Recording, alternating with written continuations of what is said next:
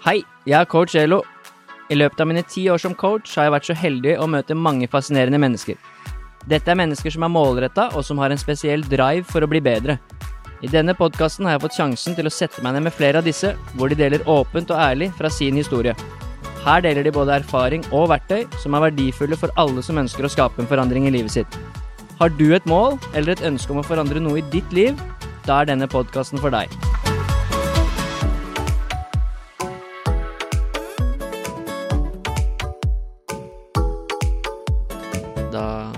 Er det bare for meg å ønske velkommen til Monica. Takk for det. Vi sitter i Kristiansand, i leiligheten din, og du har gått og grua deg hele dag til å spille inn podkast. Ja. Hva er grunnen til at du har gjort det?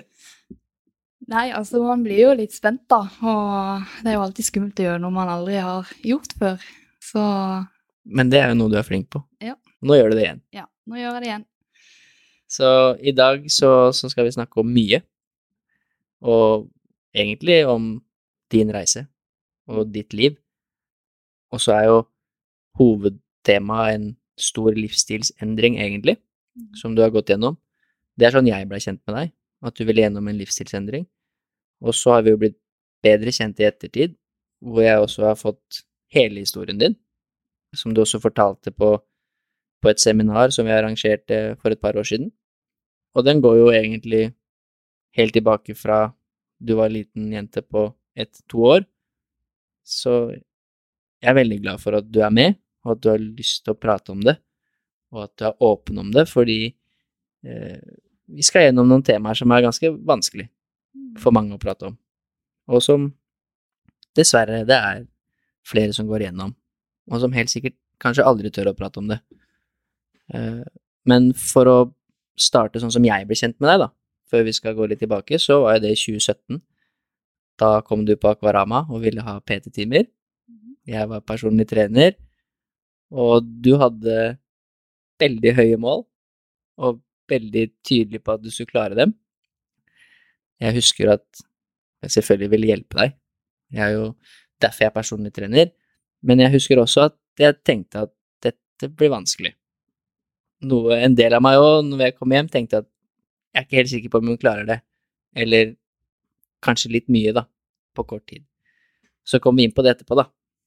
Men så har det gått veldig bra, og du er jo en av de Ja, jeg har gjort sikkert 10, over 10 000 PT-timer, og fremdeles er jo du en av de kundene som skiller seg mest ut. Kanskje den som skiller seg aller mest ut, da, av alle jeg har trent, i forhold til det du har fått til, da.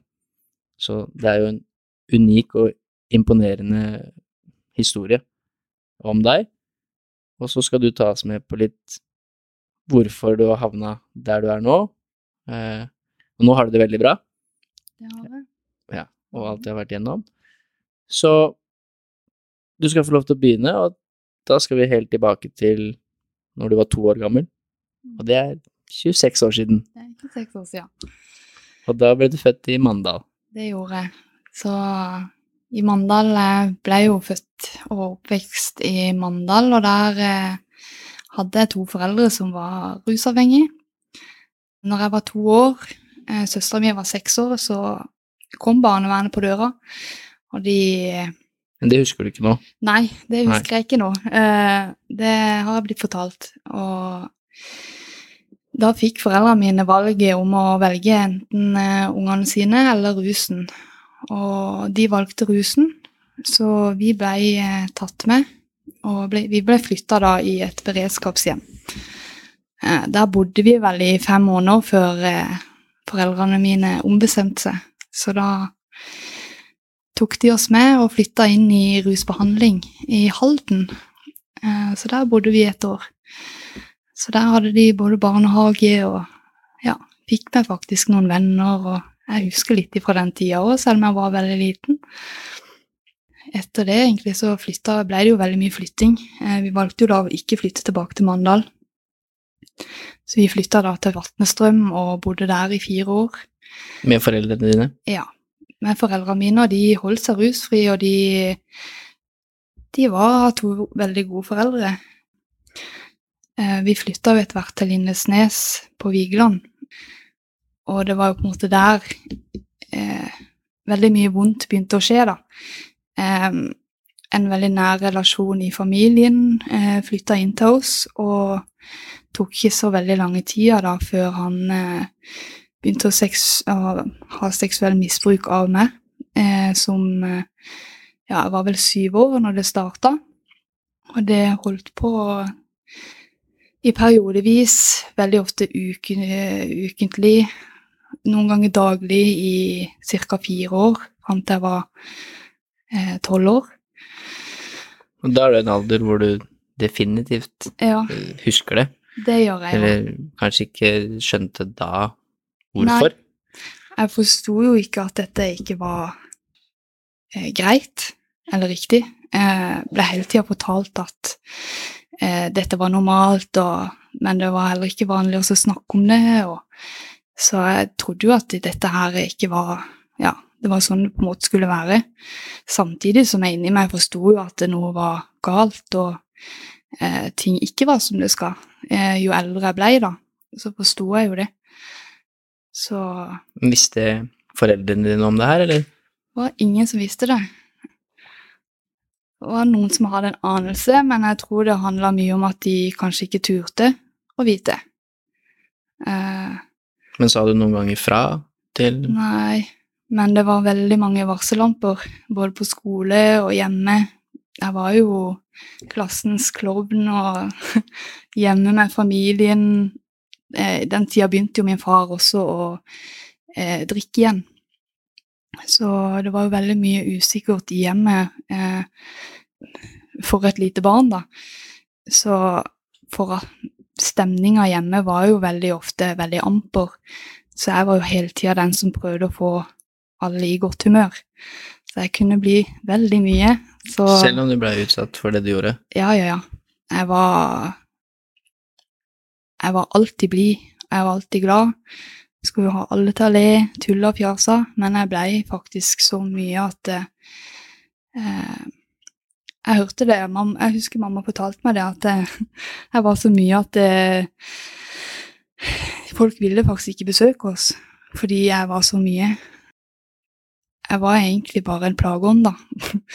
Men jeg trodde jeg var morsom, jeg trodde jeg fikk- fikk folk glade, og ja, det var egentlig bare mitt eneste ønske, da.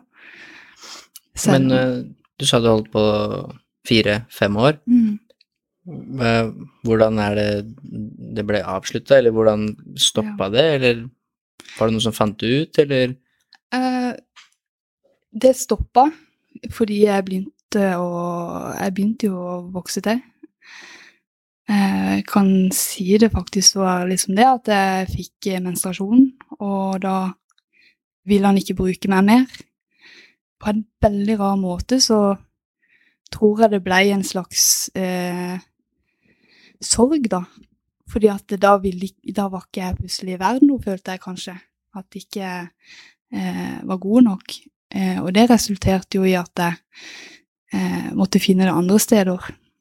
Eh, men det kan vi jo komme tilbake til. Men eh, eh, hvordan er, Hvis jeg kan spørre om det, da, hvordan er forholdet ditt til den personen her nå, eller har, har du noen gang prata med den personen om det i voksen alder? Ja, det har jeg. Em, jeg husker det når jeg var Det hadde vel gått tre år eller noe etter eh, det hadde kommet fram, da. Eh, så ville han møte meg for å si unnskyld og fortelle meg at dette her ikke var eh, min feil.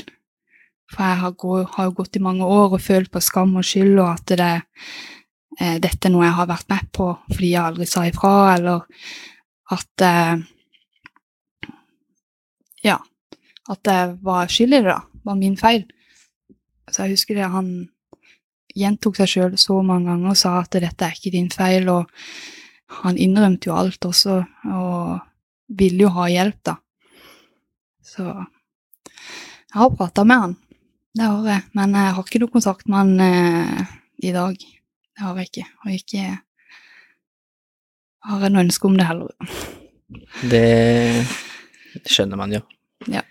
Men det er kanskje litt vanskelig å svare på, men for andre som måtte gå gjennom noe sånt i den alderen, og på en eller annen merkelig måte så føler du skyld og skam for noe du blir utsatt for, Mm. som ikke er din feil, og som selvfølgelig er så langt fra riktig som mulig, da. Mm. Eh, og i tillegg, når det avsluttes, så føler du nesten på at eh, du ikke er verdt noe, og at måte, det er også negativt når det avsluttes. Mm. Hvordan skal man klare å på en måte fange opp disse tingene her? Hvem er det som på en måte har ansvaret for det? Er det lærere eller foreldre, eller hvis du er tolv år, så, så er det jo vanskelig å skulle ta tak, tak i de tingene her. Mm. Hvordan kan man, hvordan kan man plukke opp dette, eller har du snakket med noen andre i ettertid som har gått gjennom det samme? Altså, det er jo foreldre og, eh, og lærere, tenker jeg, som eh, fanger det opp. Eh, med min atferd, da, så var det jo veldig tydelig å se at jeg ikke hadde det greit, også oppi det hele. Men det var det ingen som plukka opp. Nei, det var ingen som plukka det opp. Um, eh, og det var jo faktisk Altså, det var jo heller ikke jeg som fortalte det, at det hadde skjedd heller. Det var en kveld eh, der jeg gikk og la meg, og jeg sa ifra til mamma at eh, om hun kunne komme opp og si god natt til meg, da. Og da hadde jeg bestemt meg på at nå skal jeg fortelle det. Og han var jo i huset når jeg hadde tenkt å si det, eh, så jeg var litt sånn Jeg tenkte egentlig ikke så mye på det. Men mamma kom aldri opp og sa god natt, og jeg sovna jo. Og fikk heller aldri da fortalt det, men i ettertid så tror jeg kan være glad for at jeg ikke fortalte det når han var i huset, da.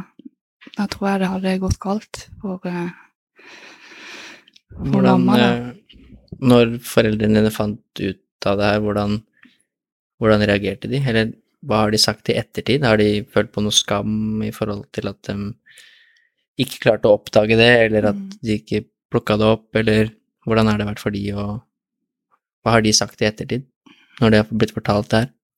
Mamma opplever jo Altså, hun har jo sagt det mange ganger. Hun er jo så frustrert, sint og lei seg på han som gjorde det, da. Og, og at hun ikke har klart å se det. Det er jo som hun sjøl sier, at hun har jo vokst opp ikke sant, i et hjem der ingenting sånne ting har skjedd. Hun har Ja, hun visste ikke at det var ja, mulig at det skulle skje hos sine fire vegger. Det var ikke i hos sin villeste tanke eller fantasi, da. Så det, hun har jo hatt det veldig vanskelig. Og pappa, han snakka vel egentlig aldri noe om det. Han ble jo veldig Det var jo i den tida han begynte å drikke sjøl, da. Så, men at han var sint, det var han. Men jeg har vel aldri snakka med han om det. Nei. Så Men da sa du jo at når dette Når dette stoppet, så måtte du finne noe annet ja. å dekke det med. Og du har jo sagt, eller fortalt, at du begynte å drikke i veldig ung alder. Mm. Eh, og feste og, og gjøre litt ting som kanskje ikke så mange andre 12-13-åringer gjør. Eh, fortell litt om veien videre til hva som skjedde i de årene der. Altså, når alt det her kom fram, så ble jeg liksom Jeg begynte å få meg nye venner eh, i Mandal. Jeg gikk jo på skole på Vigeland. Men det var i Mandal jeg var eh, på fritida mi. Eh, og det var der jeg fant venner som kanskje ikke var så veldig bra for meg. Men jeg syntes det var veldig spennende, så jeg syntes det var veldig gøy. Eh, for de drev jo på med ting som jeg ikke har vært borti før. Eh, det ble jo en, del, en god del drikking. Og det som er i denne vanskelige perioden som jeg hadde fram til jeg var 13, da, så hadde jeg ei veldig god venninne som var med meg på alt. Hun visste ikke om det som skjedde, eh, men hun var alltid der for meg, da. Og det er litt sånn Når jeg begynte å drikke, så ville jeg at hun skulle bli med, for jeg syntes det var sinnssykt bra, på en måte. Jeg likte jo alkoholen fra første gangen. Og det tok hun avstand til, eh, og det lot jeg henne ta avstand til, fordi hvis ikke hun ville det, så var det helt greit. For jeg fant fort ut av hva jeg ville, og det var å drikke, da. Så jeg har jo vært igjennom en del ganske tidlig, og konsekvensene kom egentlig fra første gang jeg valgte å drikke. På hvilken måte da? Nei, at jeg mista henne som venninne, da. Ja. Så Har du hatt noe kontakt med henne i ettertid, da? nei, eh, det har jeg ikke. Har hun Jeg har jo snakka bare så vidt det har vært for noen år siden på Facebook. Vi har da hverandre der ennå. Jeg har tenkt så mange ganger på å kontakte henne, da. Og prate med henne om den tida som var, og hvorfor ting blei som det blei, på en måte. Men jeg har ikke klart å gjøre det. Men uh, kanskje en senere anledning? Mm. Nå snakker du om det nå, Ja, så det kanskje sitter hun og hører på en gang. Ja. Hvem vet? Men hun betydde i hvert fall en del, da, selv om Mm. du var ung. Det jo Eh, og, og det er litt sånn, sånn er det for alle, tror jeg, at man sitter igjen med Man husker sånne ting veldig godt fra mm, når man er i den alderen. Eh, de man er sammen med, og, og de som man klarer kanskje å være venn med gjennom hele livet, så blir det et litt sånn ekstra bånd, tror jeg, med de man mm, alltid har vært venn med, da. Men eh, for å gå litt videre, så så etter hvert så flytta du i fosterhjem. mm. Hvor gammel var du når det skjedde, og hva er årsaken til at du måtte det? Ja. Eh, det som var, skjedde, var at jeg begynte på Jeg begynte jo med hester, eh, faktisk. For det jeg tulla det veldig til i tidlig alder, da, med alkohol. Og allerede tidlig så så prøvde jeg å holde meg unna det, da. Så jeg begynte på en kristen videregående skole i Lyngdal, på hestelinja. Hadde med meg hest der. Og det gikk veldig bra det første halvåret til jeg fikk ei ble kjent med et par venninner der som var veldig glad i å drikke. Så vi begynte å drikke igjen. Eh, begynte å prøve andre ting, som eh, hasj. Eh, det var ikke noe for meg. Foreldrene mine skjønte jo at jeg styrte på veldig mye da, med alkohol, og de var jo sikre på at jeg hadde begynt med andre stoffer. Så de krevde jo da en urinprøve med akkurat den gangen eh, jeg hadde prøvd hasj, da. Eh, Var de- foreldrene dine rusfrie på det tidspunktet her? ja, men pappa drakk jo i periodevis. Han gjorde det. Og da ble jeg tatt uh, urinprøver og ble ferska på den. Jeg måtte da i Jeg ble jo da utvist fra internatskolen i en uke. Pappa sa han var på vei for å hente meg, eh, men det viste seg jo at det var barnevernet som eh, sto i ganga. Og politiet sto ut forbi, og de lurte på om eh, vi hadde bruk for de. Og jeg sa det trenger vi ikke, de kan bare gå. Altså, jeg er jo Jeg var ikke den som drev og stakk av og var umulig når det på en måte når det gjaldt, da. Jeg ville jo veldig gjerne ha hjelp, men det var himla skummelt. Eh, så de kjørte meg jo inn til Sankthansgården her i Kristiansand. Så de ville ha meg der, da, for mamma og pappa ikke orka ha meg hjemme, for de hadde null kontroll på meg. Og for de som ikke vet helt hva det er, hva Sankthansgården, Ja. hvordan sted er det? Det er en institusjon for de som, ja, for ungdommer da, som er vanskelige, kan man si. Eller som sliter og i dette tilfellet mamma og pappa ikke hadde kontroll på meg, så de valgte å sende meg der en uke for å få litt orden. Men jeg trivdes jo der, jeg, da.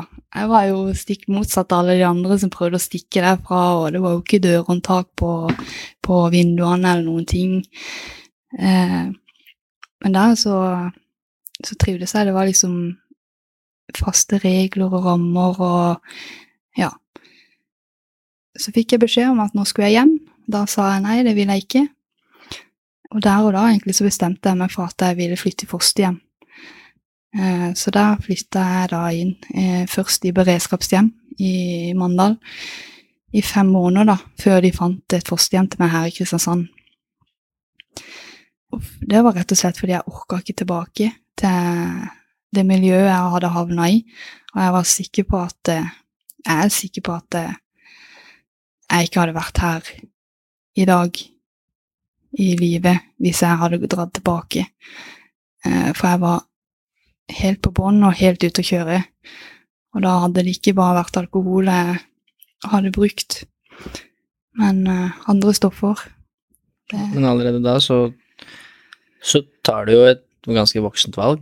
Mm. Eller liksom sånn Jeg vil ikke tilbake eh, verken til foreldrene mine eller det miljøet som du var i. Mm. Hva tror du er årsaken til at du klarte å ta et sånt valg?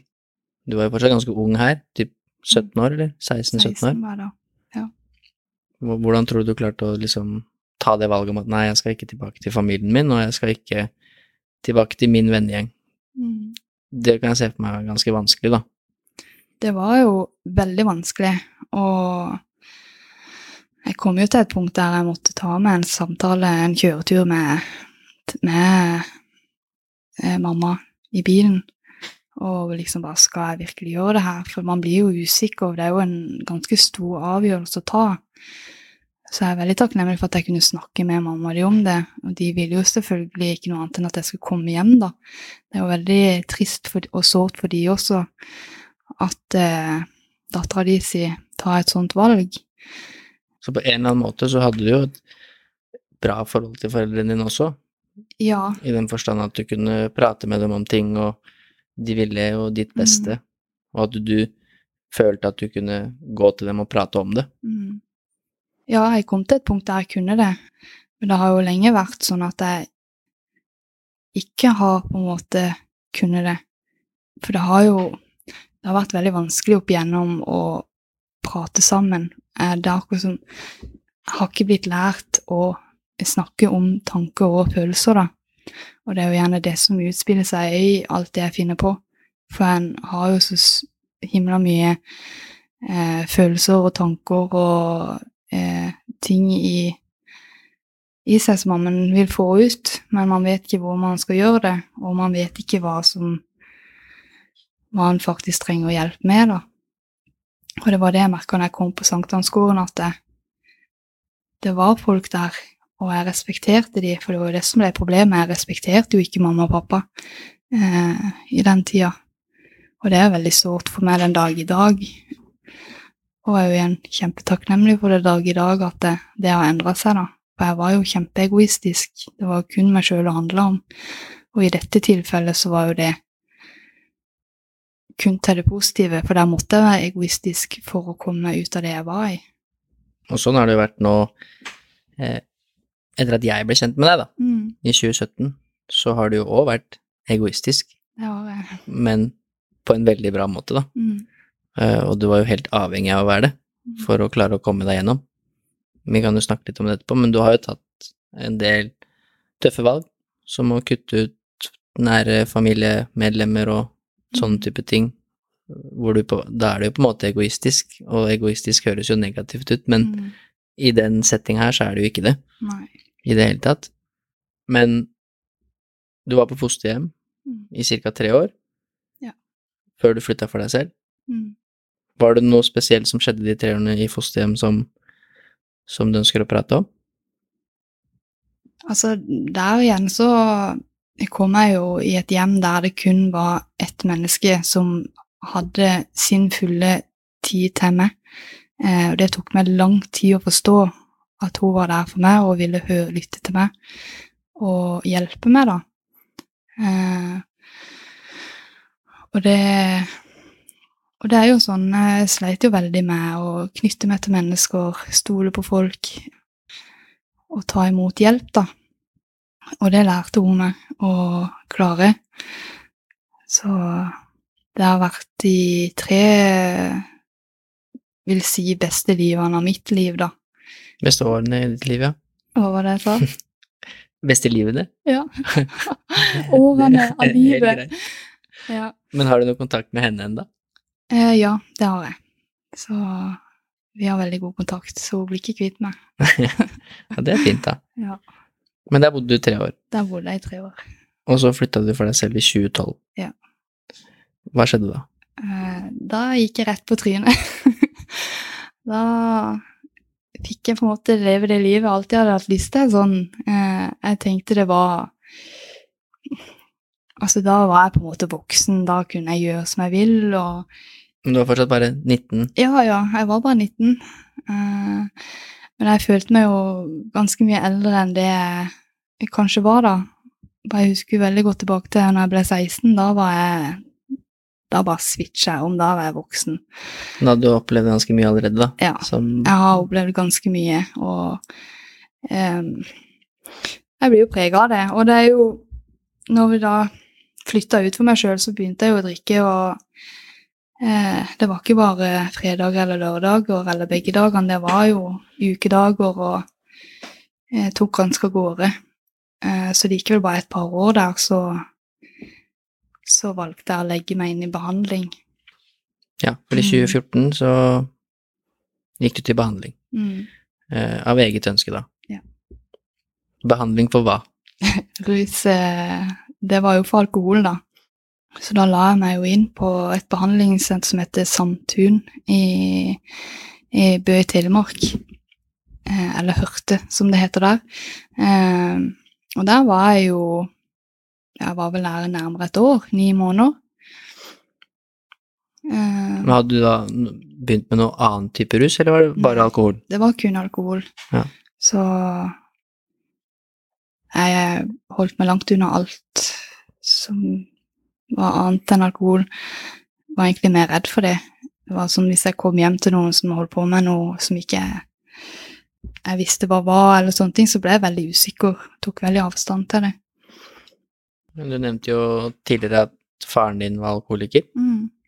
Er han det fremdeles? Eller Ja. vil kanskje alltid være? Han er alkoholiker den dag i dag, så han har ikke Jeg har ikke snakka med han på Jeg tror det er fire år nå. Fire eller fem år. Eh, Så han har valgt rusen og lever det livet, da. Jeg fortalte han det at jeg ikke ønsker å ha kontakt, for jeg blei veldig sliten når han på en måte Jeg føler ikke han er faren min heller, da, for han lyver, og han eh, styrer veldig. Eh, jeg har prøvd flere ganger å ha kontakt med han selv om han drikker. Eh, men det har ikke gjort meg noe godt. Eh, det har bare gjort meg verre. Så jeg har valgt å ta avstand.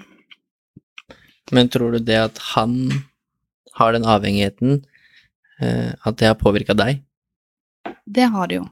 Eh, for det første så er det jo genetisk. Det ligger jo i genene for noen. Og det var jo sånn opp igjennom òg, hvis mamma og min søster var bortreist en helg eller noen sånne ting, så var jo han rett på flaska.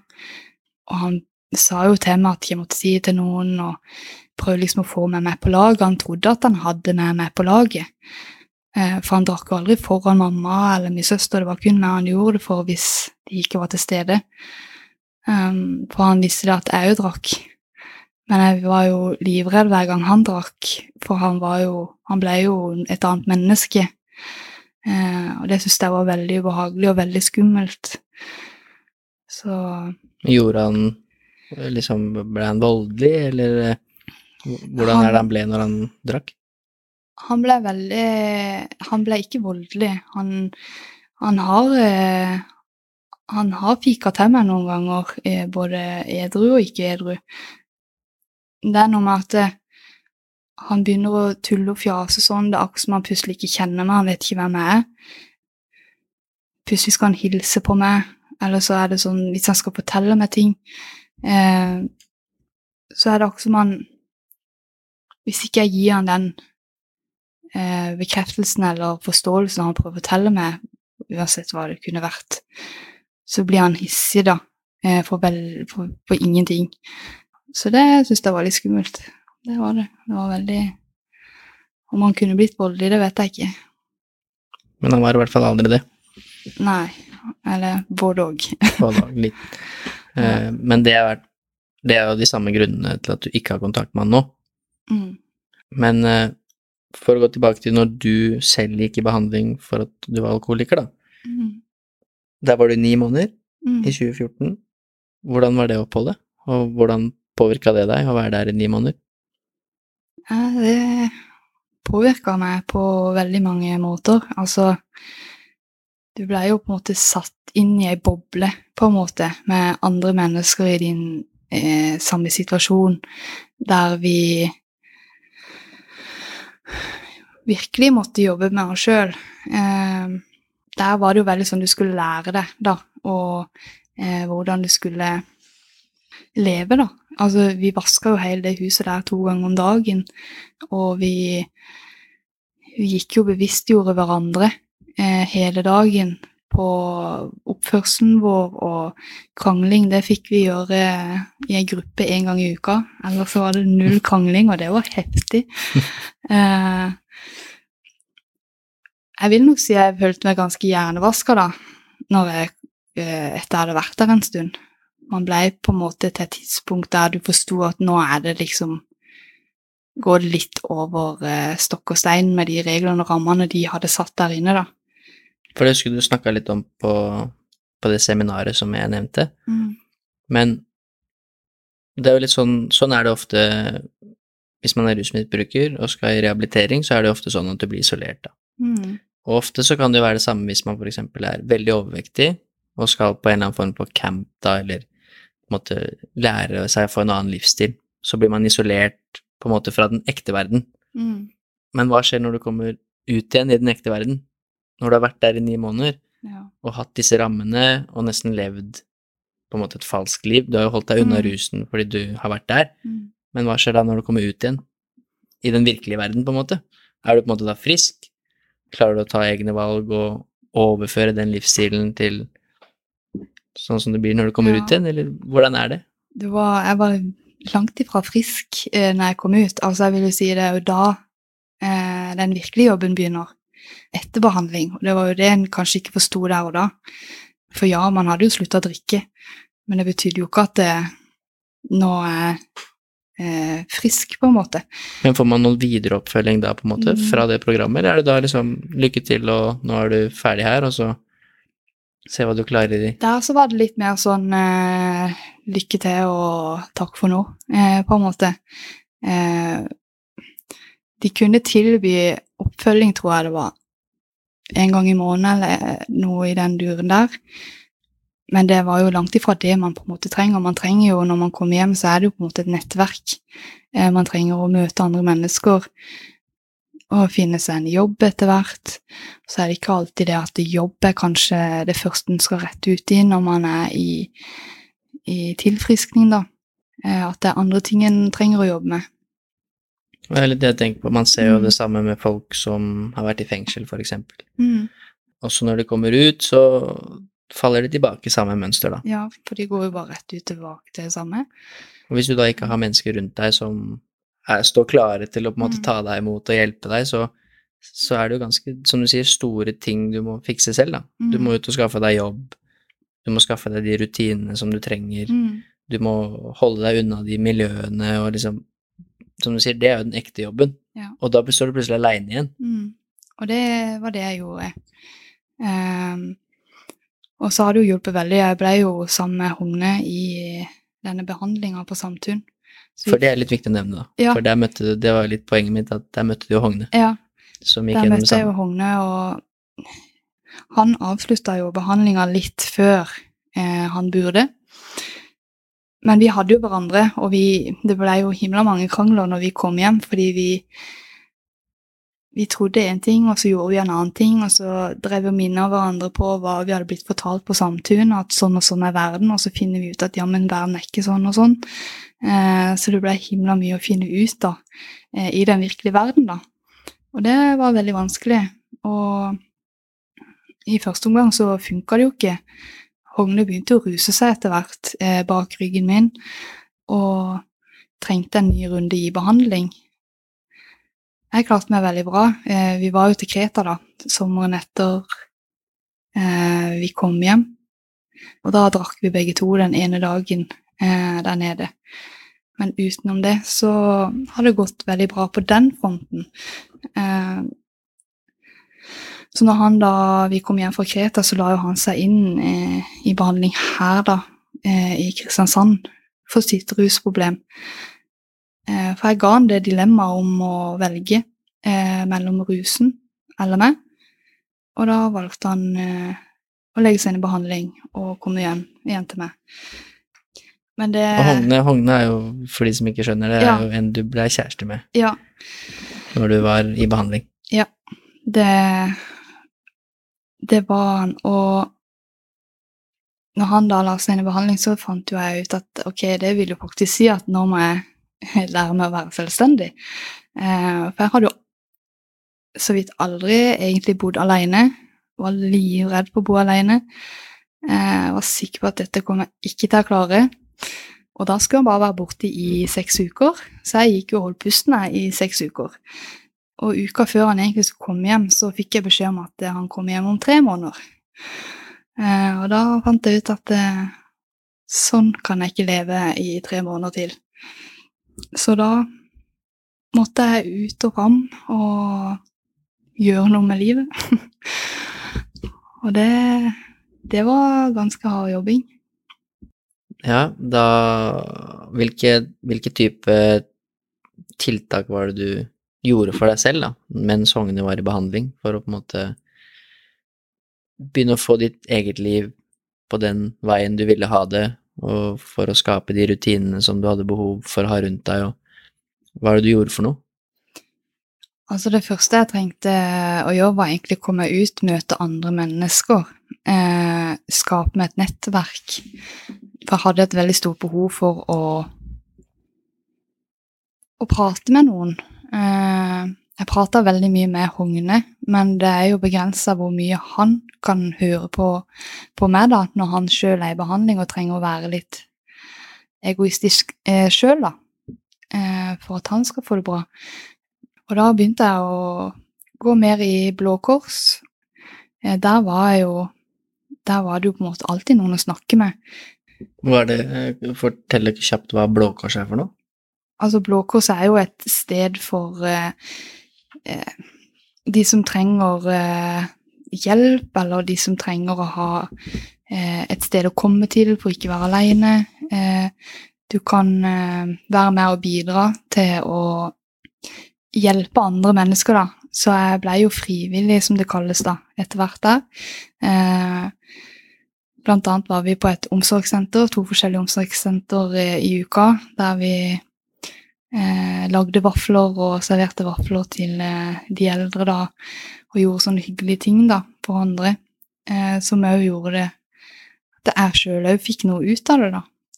Det at du følte at, følte at, du kunne hjelpe noen andre også? Ja, så det ble jo på en måte Når jeg hjalp andre, så hjalp også meg sjøl, for jeg kom ut blant folk, og vi var jo en veldig fin gjeng som gjorde det her eh, sammen. Etter hvert så kom vi over til gjorde vi frivillig arbeid i Vipers, eh, der vi hjalp til å rigge til kamp når det var kamper. Så der var vi også en gjeng som var samla. Det husker jeg veldig godt. Ja. Med, jeg jobbet jo i Vipers da. Mm. Uh, altså Vipers Kristiansand, håndballklubben. Uh, det husker jeg godt at uh, dere starta dette Rosa-banden. Mm.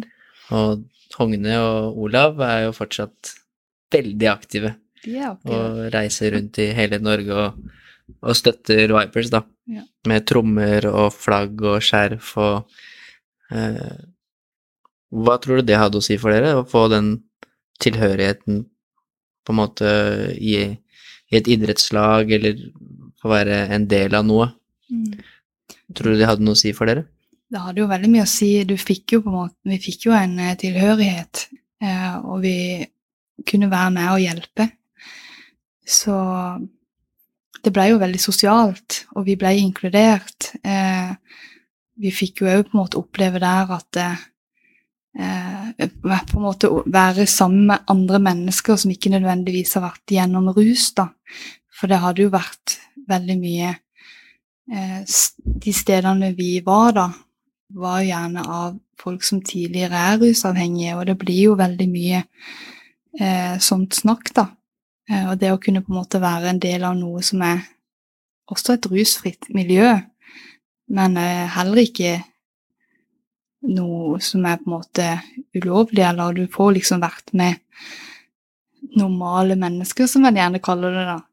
Og så var jo Vipers veldig på vei opp. Ja, det i eh, tillegg. Og liksom, det var jo veldig positiv hele den perioden der, og ja. man hadde målsetninger, og de var veldig populære i Kristiansand, og mm. de begynte å vinne litt gullmedaljer, og det var sikkert litt ekstra gøy å få være med på den reisen, da. Mm. Det var kjempegøy. Jeg husker at dere var med til VM i håndball også, i Tyskland. Da var det Blå Kors som arrangerte. Ja. Det husker jeg veldig godt. Mm. Jeg husker ekstremt godt at Hogne sang den norske nasjonalsangen. Ja. Eh, Så ikke var sånn kjempepent, Nei. men uh, det, det glemmer jeg ikke. Men det, det var en morsom uh, en morsom periode, tror jeg, Mm. å være med på. Og de er jo med fortsatt, så de syns jo Mm. fortsatt det er gøy å være en del av Vipers. Ja, ja. De syns det er kjempegøy. Jeg har jo ikke sjøl fått vært med så mye den siste tida, men jeg følger med. Det er veldig gøy å følge dem.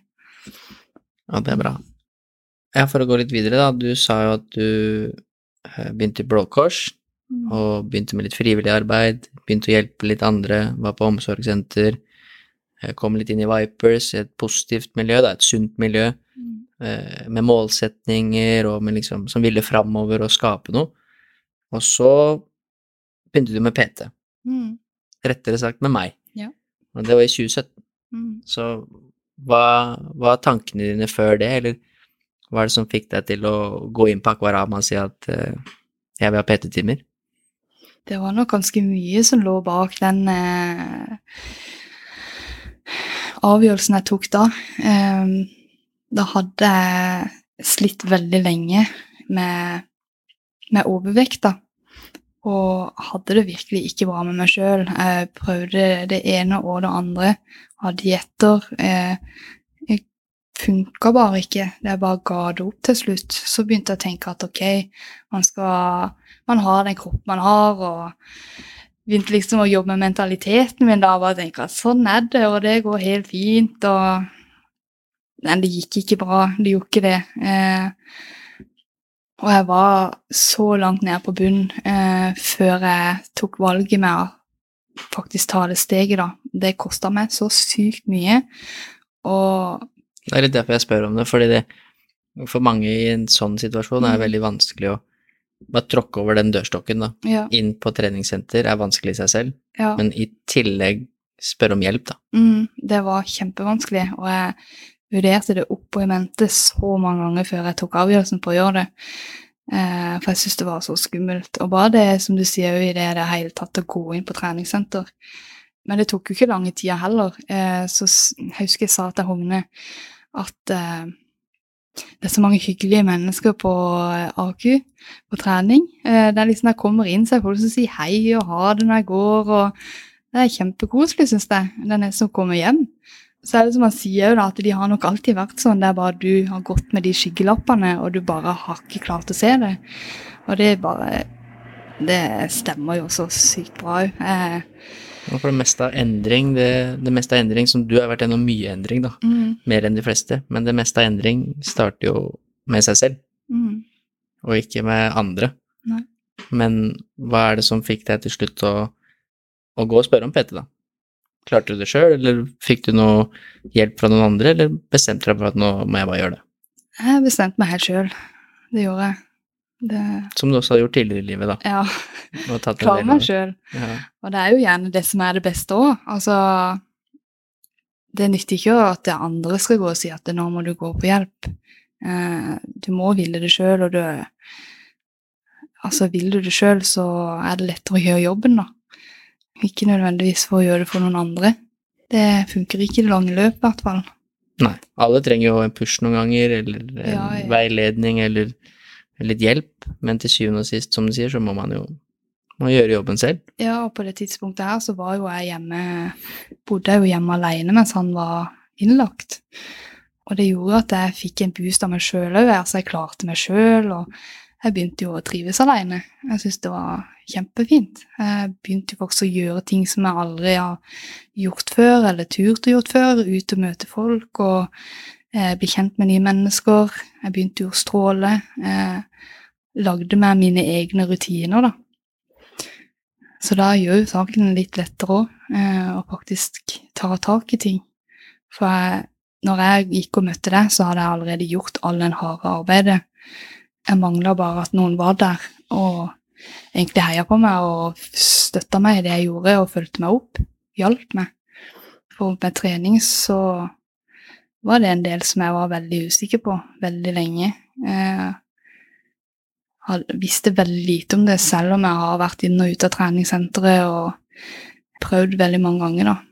Det har ikke gitt meg noe tidligere. Før da. Ja, før da. Men det husker jeg godt, da. Jeg husker veldig godt første samtalen vi hadde på Akvarama, hvor vi satt på rommet liksom bak resepsjonen der, Mm. eh, hvor du eh, fortalte om hvem du var, og vi snakka liksom om ja, hvem er du, og hvordan kan jeg hjelpe deg. Du kom etter hvert inn på målsetninger som du hadde, og de var veldig tydelige. Det er som du sa, du var jo overvektig. Eh, og jeg tror allerede på første møte du fortalte at du akkurat hadde kommet ut av rus, eh, og at du hadde en kjæreste som var i behandling. og at Du var ganske åpen Mm. allerede da. For du hadde jo sikkert prosessert det her, da. Som du sa, du hadde gjort den jobben før du kom. Mm. Eh, du ville gå ned i vekt ganske mye, jeg tror det var 10-15 15 kilo det var snakk om. Mm. Du ville begynne å trene regelmessig, nesten hver dag. Og du ville gjøre sto store forandringer i kostholdet ditt. Det var veldig mye. Mm. Og som regel, dette er jo en av grunnene til at jeg ville ha den samtalen med deg, fordi det du har fått til er veldig imponerende, da, Mm. og unikt, og det er veldig få som klarer det. Og jeg har som sagt vært PT i ti år, og det er en av de historiene som jeg på en måte Jeg kommer aldri til å glemme det, eh, som vi gikk gjennom sammen, da. Eller starten på der du er nå. Og jeg husker så godt at jeg tenkte inni meg dette blir vanskelig. Og disse målsetningene er veldig høye, kanskje vi skal tone dem litt ned. Mm. Begynne med én ting om gangen. Og Jeg tror også jeg anbefalte for deg at kanskje vi bare skal begynne med trening, Mm. og så kan vi snakke om kosthold etter hvert. Bare liksom dukke opp på trening fast hver uke, og så begynner vi med det. Ja. Men du var veldig klar på at nei, jeg skal gjøre kosthold også. Ja. Eh, og da sa jeg det er greit. Da, så jeg ga deg en oppgave om å skrive ned alt du spiste i en uke. Kjempedetaljert, da. Mm. Og som regel, de fleste gjør ikke det så detaljert, Mm. for det første. Men jeg begynte med det, i hvert fall. For jeg må ha et eller annet bilde av eh, hvordan det ser ut, da. For jeg visste jo ingenting. Mm. Og nå husker du leverte den til meg. Jeg tror du hadde skrevet det for hånd. Jeg husker ikke helt. I hvert fall husker jeg at jeg gikk gjennom det. Og når jeg er ferdig med det, så tenkte jeg det her stemmer ikke. For hvis du har det kostholdet som du skriver at du har her, så trenger du ikke gjøre så veldig mye forandringer, da. Mm. For det var ekstremt bra. Det var nesten ingenting kunstig. Det var ikke noe sukker eller tilsetning av sukker. Det var masse grønnsaker, det var masse bær. Det var masse liksom Det var bare sunt, egentlig. Mm. Og det var nesten for godt til å være sant. Jeg tenkte det her stemmer ikke. Det kan du bare glemme. Du hadde ikke vært overvektig hvis det her er det du spiser. Men så stemte det jo. Og det var faktisk sånn det var. Og du hadde gjort den jobben i forkant. Eh, og du var vanvittig flink i den perioden der til å være streng, da. Mm. Og du var jo ekstrem. Du kutta jo ut, du kan jo fortelle litt om det nå, men du kutta jo ut sukker, du kutta ut godteri, du kutta ut alt. Det var liksom bare sunt hele tiden. Og Som regel så anbefaler jeg jo ikke det, da, for det blir veldig ekstremt, og det er få som klarer det. Mm. Men du kan jo fortelle litt om, om hvorfor du ville at det skulle være sånn, og hvordan du klarte å få det til, da. Altså, grunnen til at jeg bare måtte kutte ut hele sukkerholdige varer og godteri og alt det her, da, det er jo når jeg tidligere har prøvd å eh, endre kostholdet og spise sunt, så så så blir jeg på en måte veldig sånn nei-mata. Eh, og når jeg, det er ting ikke jeg kan ha, så vil jeg jo ha det. Så da Det henger jo kanskje litt sammen med rusen Mm, ja. og Det henger jo ganske bra sammen med, med rusen, og, og det jo der klarte jeg jo heller ikke å ha bare litt. Eh, da var det jo alt eller ingenting. Og det samme var det med, med sukker, da, og, og junkfood og alt. Men ja, det jeg skulle fram til, var vel at eh, de første fire-fem månedene så gikk jeg vel egentlig bare helt uten. Og jeg forsto på det at det, Du var det, veldig ekstrem. ja, det var ikke eh, kanskje det lureste jeg gjør, for det, det vil komme en smell, og det har du gjort tidligere òg. Eh, så du klarte jo å få meg til å forstå at eh, ok, det er faktisk eh, greit, det er faktisk lov å kose seg litt, men det handler om mengden.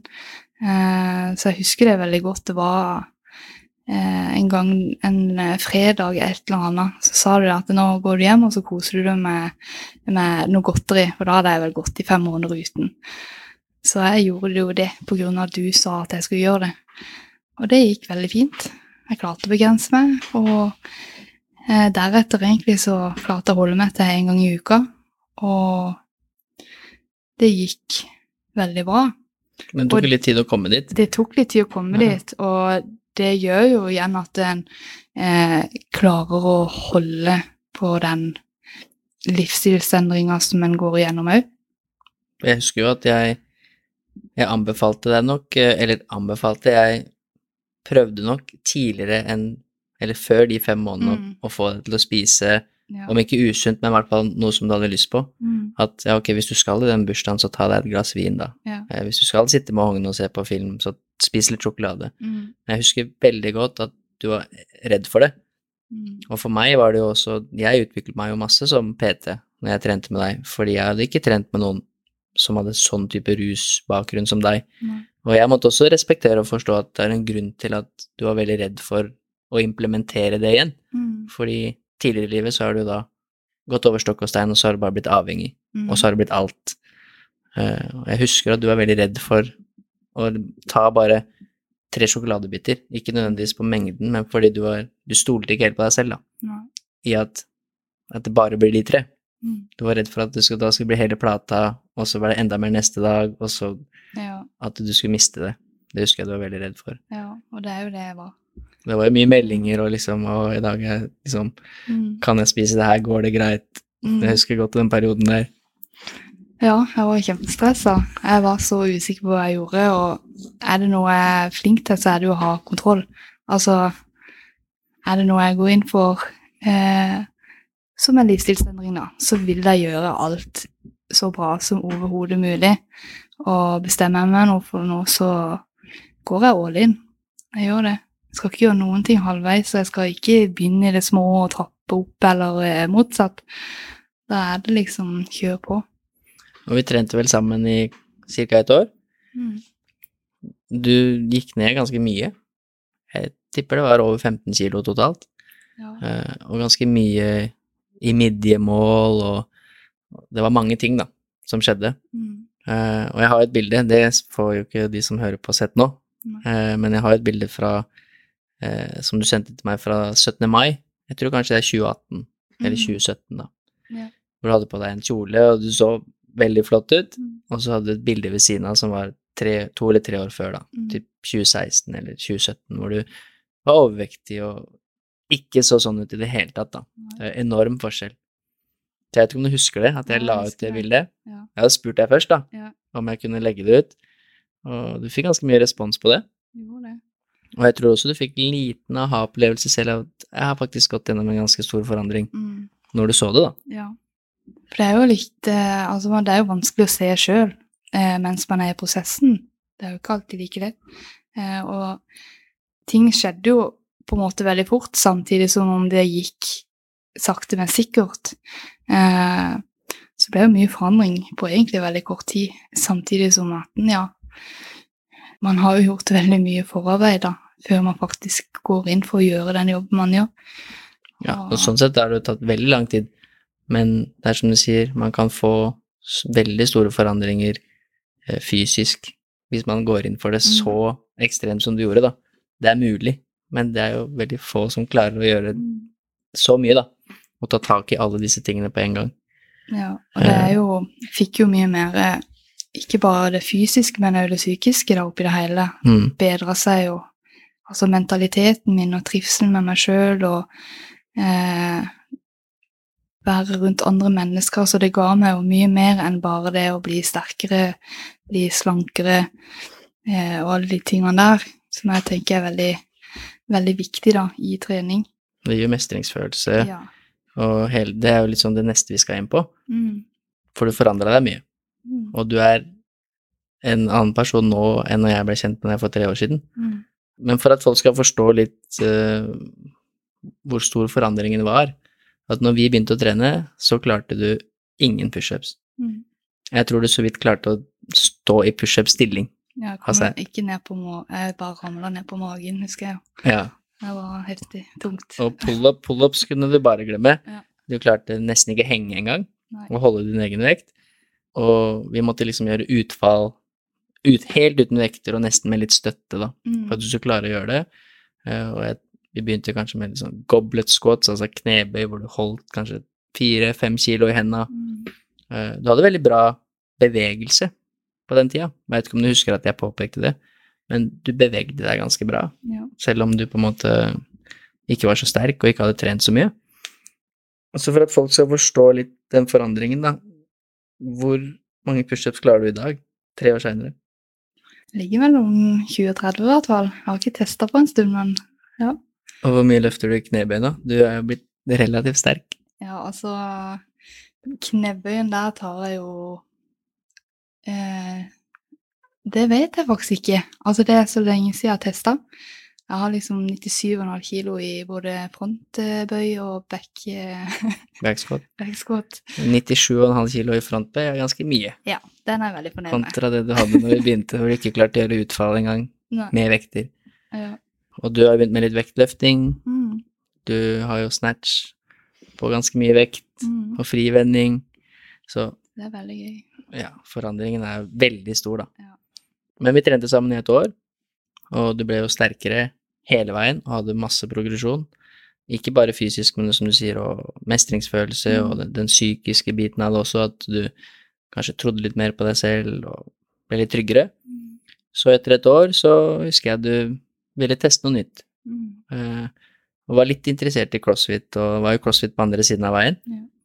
eh, og lurte litt på hva det var, og jeg husker at med en gang du sa det, så husker jeg pusha deg med en gang. Mm, Det syns jeg du skal gå og teste, da. mm, For det tror jeg blir bra for deg. Da kommer man jo også inn i et miljø, du kan jo fortelle litt, men da kommer man også inn i et miljø som er veldig sånn inkluderende, da. De mm. fleste crossfit-miljøer er i hvert fall sånn. Og folk hilser på hverandre, og man, man lider sammen på assaultbiken, og man går gjennom mye sammen, da. Ja. Eh, du kan fortelle litt om det. Hvordan den reisen der var. Nå, du driver jo med crossfit enda, ja. men dette er jo to år siden. Ja, altså det var jo Det husker jeg det var også gjennom Blå Kors, for jeg turte jo ennå ikke helt da å ta det skrittet alene. Eh, så da var jeg Da husker jeg det at Blå Kors de starta opp med gruppetimer der nede, da. På CrossFit-kvadraturen. Så da brukte jeg det for å komme meg inn der. Sjekke ut hvordan dette her var. Fant ut at dette her var veldig trygt og veldig gøy. Eh, så egentlig fra første gang der, da, så tok jeg kontakt med Magnus og eh, Magnus er eieren av CrossFit. Eier CrossFit-kvadraturen, ja. ja. Han eh, fikk jeg med Jeg fikk eh, blitt med på neste introkurs, og eh, Så egentlig fra med da så var jo jeg Jeg var vel der nede nesten hver dag, i hvert fall fem dager i uka. Så igjen så gikk du all in. Jeg gikk all in. Og der, det var noen ganger han kom og hentet meg og bare 'Monica, nå må du gå hjem'. nå har du vært her altfor lenge. Eh, da hørte jeg på han, husker jeg. Men eh, altså, det var så gøy, og det var så mye en hadde lyst til å lære, og man mister jo nesten litt hodet, da. Så det, det tok jo ikke så lang tid før jeg skjønte at ok, nå må vi få litt struktur på det her. Og, men det som var litt komisk, var at når jeg kom inn der, så var det litt sånn Jeg følte jeg hadde begynt å bli litt sterk da, når, etter det året vi hadde trent sammen. men eh, det var egentlig etter første treninga der nede, så kjente jeg at ok, jeg må bare legge vekk alt av det jeg trodde jeg hadde, fordi at eh, dette er jo noe helt annen trening enn hva jeg er vant til. Så skulle ikke være på høy på seg sjøl, da. Eh, så det har jo vært å egentlig bare det å skulle komme seg opp på hendene til veggen, klarte jeg jo ikke overhodet. Det øvde jo med deg også litt på, husker jeg, og det var, var ikke så lett. Så i en alder av 25 å lære seg sånne ting, det er jo Det krever litt arbeid. Men det er mulig. Ja, det er mulig, og jeg har kommet langt. Nå nærmer det seg jo tre år siden jeg begynte å trene, faktisk, der nede. Og du, nå har du konkurrert litt, har jeg sett, og du er med i vektløfteklubben, og Mm, verden er jo liten, men du har, fikk jo også oppfølging fra min ekskjæreste ja, en periode, det Silje, eh, som også driver med crossfit. Mm, Eh, så du har jo liksom oppsøkt hjelp hele veien, da. Jeg har det. Og nå har du eh, Hva er det han het? Benjamin? Nei, Eh, Bendik Bendik, og Thomas. som driver med vektløfting. Mm, Så du har jo oppsøkt hjelp på en måte hele veien, Ja, og fortsetter å utfordre deg sjøl.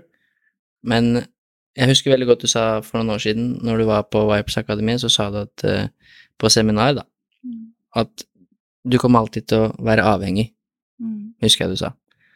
Uh, og at du måtte ha innsett at sånn kommer det alltid til å være. Mm. Men at nå er jo avhengigheten din noe annet enn rus, da. Ja, der er det. Eh, men jeg kan fortelle litt nærmere hva du mener med det, at du alltid kommer til å være avhengig.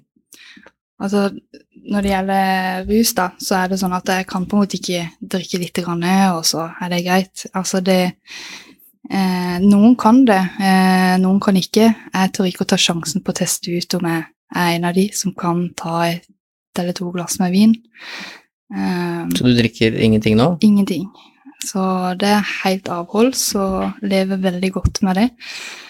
Men det er jo sånn En får jo en eh, Man finner jo gjerne en ny avhengighet, da. Eh, før så var det jo alkoholen. Eh, nå er det jo Altså, avhengig og kontroll. Altså, det med å trene og ha kosthold, det Det har jo vært et ting som jeg har hatt veldig god kontroll på disse siste fire, fem, fire årene. Nå i det siste så har jeg jo begynt å ikke miste, men gi fra meg kontrollen. Og det er jo noe nytt. Det tror jeg aldri har gjort. Og alt har alltid handla om å enten alt eller ingenting. Eh, nå den siste måneden så har jeg gitt fra meg min kontroll til eh, min vektløftertrener Thomas, da. Eh, som bare tar ansvar og roer meg helt ned. Eh, for det har jo blitt veldig mye trening i det siste. Fikk jo akkurat eh, påvist veldig lavt stoffskifte, vært veldig mye utmattet, eh, vært mye utmattelse. Eh, og egentlig lurt på hvordan i all verden jeg har klart alt det jeg har klart, da. Så nå er det litt sånn at jeg begynner litt på scratch igjen, da. Eh, trener kanskje 40% av det jeg vanligvis har gjort de siste fire årene. Det er ganske tøft. Vært igjennom ganske mye mentale knekker og vært nede i noen veldig dype kjellere, da. eh, De siste ukene. Det begynner å gå oppover igjen, og, og det er en utrolig deilig følelse på en helt annen måte enn det jeg noen gang har opplevd, for dette har jeg aldri gjort før. Og det har vært så skummelt. Men man Ja, overlever det jo. jo, det er jo litt det samme som at du uh, var veldig redd for å gi fra deg kontrollen, på som det vi snakket om med kosthold. da. Mm, Du var veldig redd for å begynne å spise litt godis igjen og Mm. litt godteri. Du var veldig redd da også for å gi fra deg den kontrollen, mm, men du klarte jo det. ja. Eh, og dette er jo litt det samme, Mm, at nå har du hatt veldig god kontroll på trening, og du har brukt coacher, og, men så får man kanskje en skade, eller det er ting som oppstår, som gjør at hvis man er smart, så får man hjelp fra andre, og kanskje slipper den kontrollen litt, og det blir sikkert litt den samme følelsen, da. mm, At nå må du liksom stole på at han guider deg i riktig retning, ja. som han helt sikkert gjør, Ja. Ah, det er Men, eh, kjempevanskelig. men det er jo Og så er det jo det jeg òg. Altså, jeg har jo et liv som bare overhodet ikke Jeg har jo aldri vært Altså, jeg har jo hatt kjempevanskelighet for å stole på mennesker generelt i tillegg. Eh, altså Plutselig skal jeg begynne å stole på andre nå. Eh, Men du har gjort det nå en stund, da. Du er jo ja, Ja, både med Hogne og ja, med meg, og med Det er jo mange Du har jo gått eh, litt den reisen, og Ja. utfordra deg på ting jeg er veldig glad i å få hjelp til det Mm. jeg vil. Altså, jeg har vært veldig god på det, fordi jeg er egentlig en ganske lat person, sånn egentlig. Altså, eh, hvis ikke noen forteller meg hva jeg skal gjøre på trening, så, så blir det bare noe surr. Og det gir meg ingenting.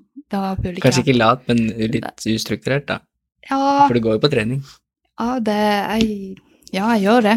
Men det er jo ikke mange ukene i løpet av disse årene jeg ikke har hatt et program å følge. Eh, og selvfølgelig, jeg trener jo òg når jeg ikke har program. Men det blir ikke den samme progresjonen, det blir ikke den samme utviklinga. Men du er Eh, veldig flink hele veien til å sette deg i en situasjon som du vet er bra for deg, da. Ja, Helt siden fra du var 16, når du Mm. tok valget om at nei, jeg vil ikke tilbake til familien min, ja, jeg vil heller i fosterhjem, mm, eller være her, for der kan jeg ha det bedre, og Mm. være i en situasjon hvor det er kanskje enklere for meg å lykkes, da. Ja. Så du har jo vært flink hele veien til å sette deg i situasjoner hvor ok, her kan jeg lykkes, da. mm, eller dette kan hjelpe meg å få til å få de rutinene som jeg vil ha. Mm. Det er jo en egenskap i seg selv. Ja. Eh, Og så er det jo noe med å ha de rette menneskene rundt seg, og jeg har jo vært så sykt fornøyd med Silje eh, som coach eh, den gangen jeg hadde henne. Men det som blir vanskelig, er at hun er jo ikke til stede og ser meg og min form, da. Eh, både mentalt og fysisk. Så der igjen så hadde nok løpet blitt satt opp fra hennes side ganske annerledes. For jeg ga jo heller Jeg ga beskjed noen ganger, men da var det på en måte for seint. Da var jeg knekt, da var jeg sliten. Da sa jeg fra at kanskje vi må roe ned litt, men jeg hadde egentlig ikke lyst til å roe ned heller. Eh, Så det ble litt sånn Ja. Altså, det er jo min feil, da. At hun Altså, hun kunne jo ikke se meg. Så jeg hadde på en måte kontrollen, da. Altså, jeg mm. ville jo trene så mye som overhodet mulig, men så visste jeg jo det at kroppen min tåler det jo ikke. Jeg blir kjempesliten, jeg blir utmatta, jeg trenger å sove. Eh, Det går jo utover mitt sosiale liv, jeg orker jo ikke å være med andre mennesker. Men nå har du jo tatt litt sånn kontroll over det på en bra måte igjen med å få hjelp til å lage programmer og Ja. ha riktig treningsmengde og justere litt på intensitet og Ja. Så igjen så setter du deg i en situasjon Ja. som gjør at det er enklere for deg å få til det du vil, Jeg gjør det nok en gang. og det er bra. Og så kanskje når du er litt mer trygge trygg å tilbake der du er, så kanskje kan du få online-coaching igjen, da. mm, Online-coaching er jo litt annerledes. Ja. Online-coaching setter veldig mye krav til utøveren eller til kunden, da. mm, Fordi nei, man ser jo ikke kunden nei. gjøre. Eh, Så det blir litt annerledes. Da må man på en måte være veldig selvstendig og ha litt kontroll. Og det har jeg jo. Ja. Altså, jeg trenger bare et program, men jeg liker jo veldig godt å få litt mer sånn personlig oppfølging, da. Altså hvis jeg Mm. har spørsmål, eller hvis jeg har noen ønsker, så går det an å justere på ting. Eh, Men ting går litt sånn opp og ned i perioder liksom av livet. ja, Sånn du starta med PT på Akvarama, så gikk du til CrossFit, og så Mhm. fikk du en personlig coach, og så begynte du med litt vektløfting og fikk coach innenfor der nå, og så Det er jo perioder. Det er det. Kanskje om to år så driver du med triatlon, hvem vet, eller noe Ja. annet som du plutselig får lyst til å begynne med. Ja, Sånn er jeg jo litt selv nå. Men i hvert fall så er det jo nå, i dag, da, i 2020, så har du det veldig bra Mm, med deg selv. det har jeg. eh, til tross for alt det du har vært gjennom. Og du er frisk, og du er eh, sterk, og du har liksom gode, sunne rutiner, da. Ja. Du trener, og du spiser sunt, og du drikker ikke alkohol. Ikke at Mm. det i små mengder er noe farlig, men du har liksom Det virker som du har ordna deg et bra liv, da. Det er ganske fornøyd med det livet jeg har, jeg. Ja. Men det er ikke sikkert eh, Eller det er ikke nødvendigvis at det skulle blitt sånn. Nei. Veldig mange ville jo havna på en helt annen vei. Mm, hvis de hadde gått gjennom det samme som du gjorde da. Så det er imponerende. Og det er jo viktig å ta, ta til seg. Ja, Det har du blitt flinkere på. ja, det har jeg blitt flink på. Det er fint. Ta det imot. Men før vi skal eh, avslutte litt etter hvert med et par spørsmål, Mm. hva er veien videre for deg nå? Har du noe mål for framtiden? Det vet jeg jo at du har, men er det noe sånn spesielt du sikter deg inn på? Annet enn å trene crossfit og vektløfting, da? Altså, jeg har jo, har jo en tanke om å eh, Du har jo begynt å coache litt. Ja. Det har jeg ikke sagt, da. Du har jo begynt med litt gruppetimer og Jeg har jo begynt med et par timer i uka nede på CrossFit-kvadraturen, der jeg coacher eh, eh, Bymisjon. Eh, veldig fin gjeng som er der på mellom 10 og 15 stykker to ganger i uka. Jeg har jo en tanke og et ønske og lyst eh, når formen min er litt bedre sånn mm, i forhold til å komme litt mer om på. Eh, eh, I forhold til det lave stoffskiftet har, da. Og begynne å coache mer, da. Eh, og kanskje ta noen kurs og for den saks skyld kanskje noen utdannelser etter hvert. Det er litt sånn skummelt å si, eh, for jeg syns det er veldig utfordrende og vanskelig når det gjelder det med utdannelse og sånne ting. Men du har igjen begynt å tenke litt i de retninger, da. Ja. Og begynt å coache, og Mm. da igjen så hjelper du andre mennesker. Ja, Og jeg syns jo det er gøy. Mm. Eh, og det er jo Det er jo sånn som eh, Altså, man, jeg vet jo veldig godt hva jeg driver med nå i forhold til hva jeg gjorde før når det gjelder trening. Jeg har jo lagt meg opp mer kunnskap og erfaring. Og så har du, som jeg, da, som har sett mange coacher komme og gå, Mm. og vært med å ansette mange og følge opp mange, Mm. så har du jo kanskje det som jeg mener er det viktigste, et ønske om å hjelpe noen andre, da. Mm. Og det må liksom ligge i bunn. Det er aller Ja, det er det viktigste. Ja, og det er jo der jeg føler at jeg er litt eh, eh, Altså, jeg vil hjelpe folk så mye, da, at det blir for mye. Så jeg må, jeg må, finne, jeg må finne en sånn balanse, tror jeg.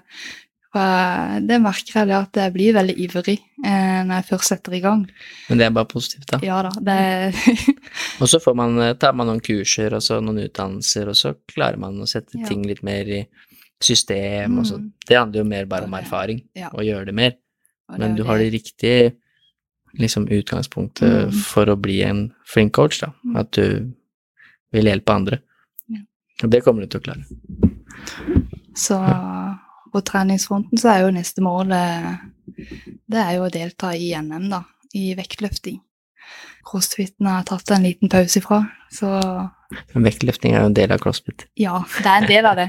Men allikevel så er det en helt annen måte å trene på òg, på en måte. Når jeg kun driver med eh, vektløfting, Ja. og har en coach som kun driver med vektløfting, lærer det på en helt annen måte enn i crossfit, for der er det litt mer sånn armer og bein og Men du da, hvis du da skal tilbake til crossfit, da, så vil du bli en bedre crossfit-utøver. vil jo få eh, opp styrken min, Mm. og Det er kjempebra. det er jo ingen eh, baklemper med å kun eh, trene vektløfting på en periode.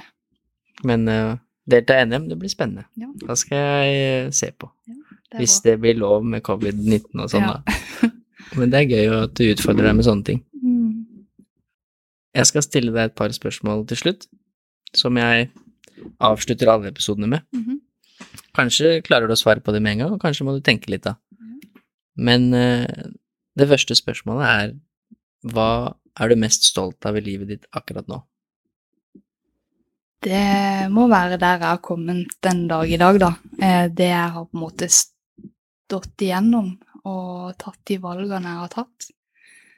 Og det er det all grunn til. Og det Ja. Det har jeg klart sjøl. Det har du klart helt selv. Mm. Det var jo lett. Ja. det er det neste er jo litt, litt annerledes. Da stiller jeg et spørsmål hvor du skal lage et spørsmål tilbake, da. Ok. Så det er hvilket spørsmål synes du at vi burde stille hverandre oftere? Og da tenker jeg ikke på deg og meg, men Nei.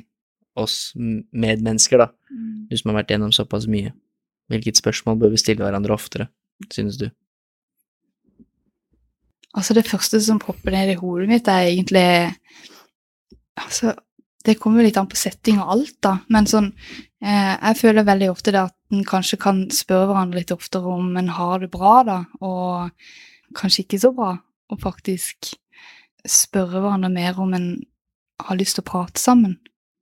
For det blir litt sånn For hvis du spør noen i dag da om de har det bra, Så har de det så sier selvfølgelig de fleste bra. Hvis Ja. du kommer på trening og sier 'hvordan har du i dag', så sier de fleste bra. Mm. Det er det veldig de få jo. som sier 'vet du hva, jeg har det ikke bra, og jeg, dette har jeg lyst til å prate om'. Ja.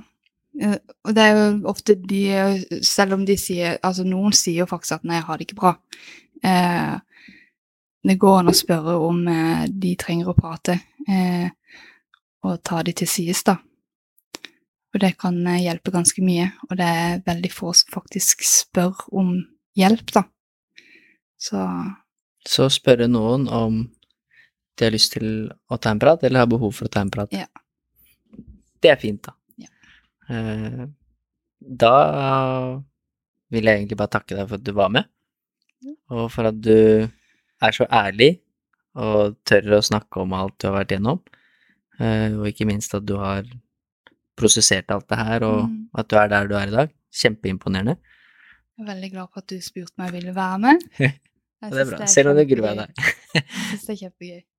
Nå syns du det er gøy, ja? Ja, jeg synes det veldig Altså, det er kjempekult at du spurte meg om jeg vil være med, så det er veldig Ja, det er takknemlig for. Det er fint. Ja. Da tenker jeg vi kan avslutte der. Ja. Tusen takk for at du har satt av tid til å lytte. Det setter jeg stor pris på, og jeg håper at du sitter igjen med noe verdifullt. Hvis du ønsker mer inspirasjon til trening og helse, følg meg, coach Elo, på Instagram. Der kan du også stille meg spørsmål, samt komme med tilbakemeldinger til podkasten. Du finner lenken i episodebeskrivelsen.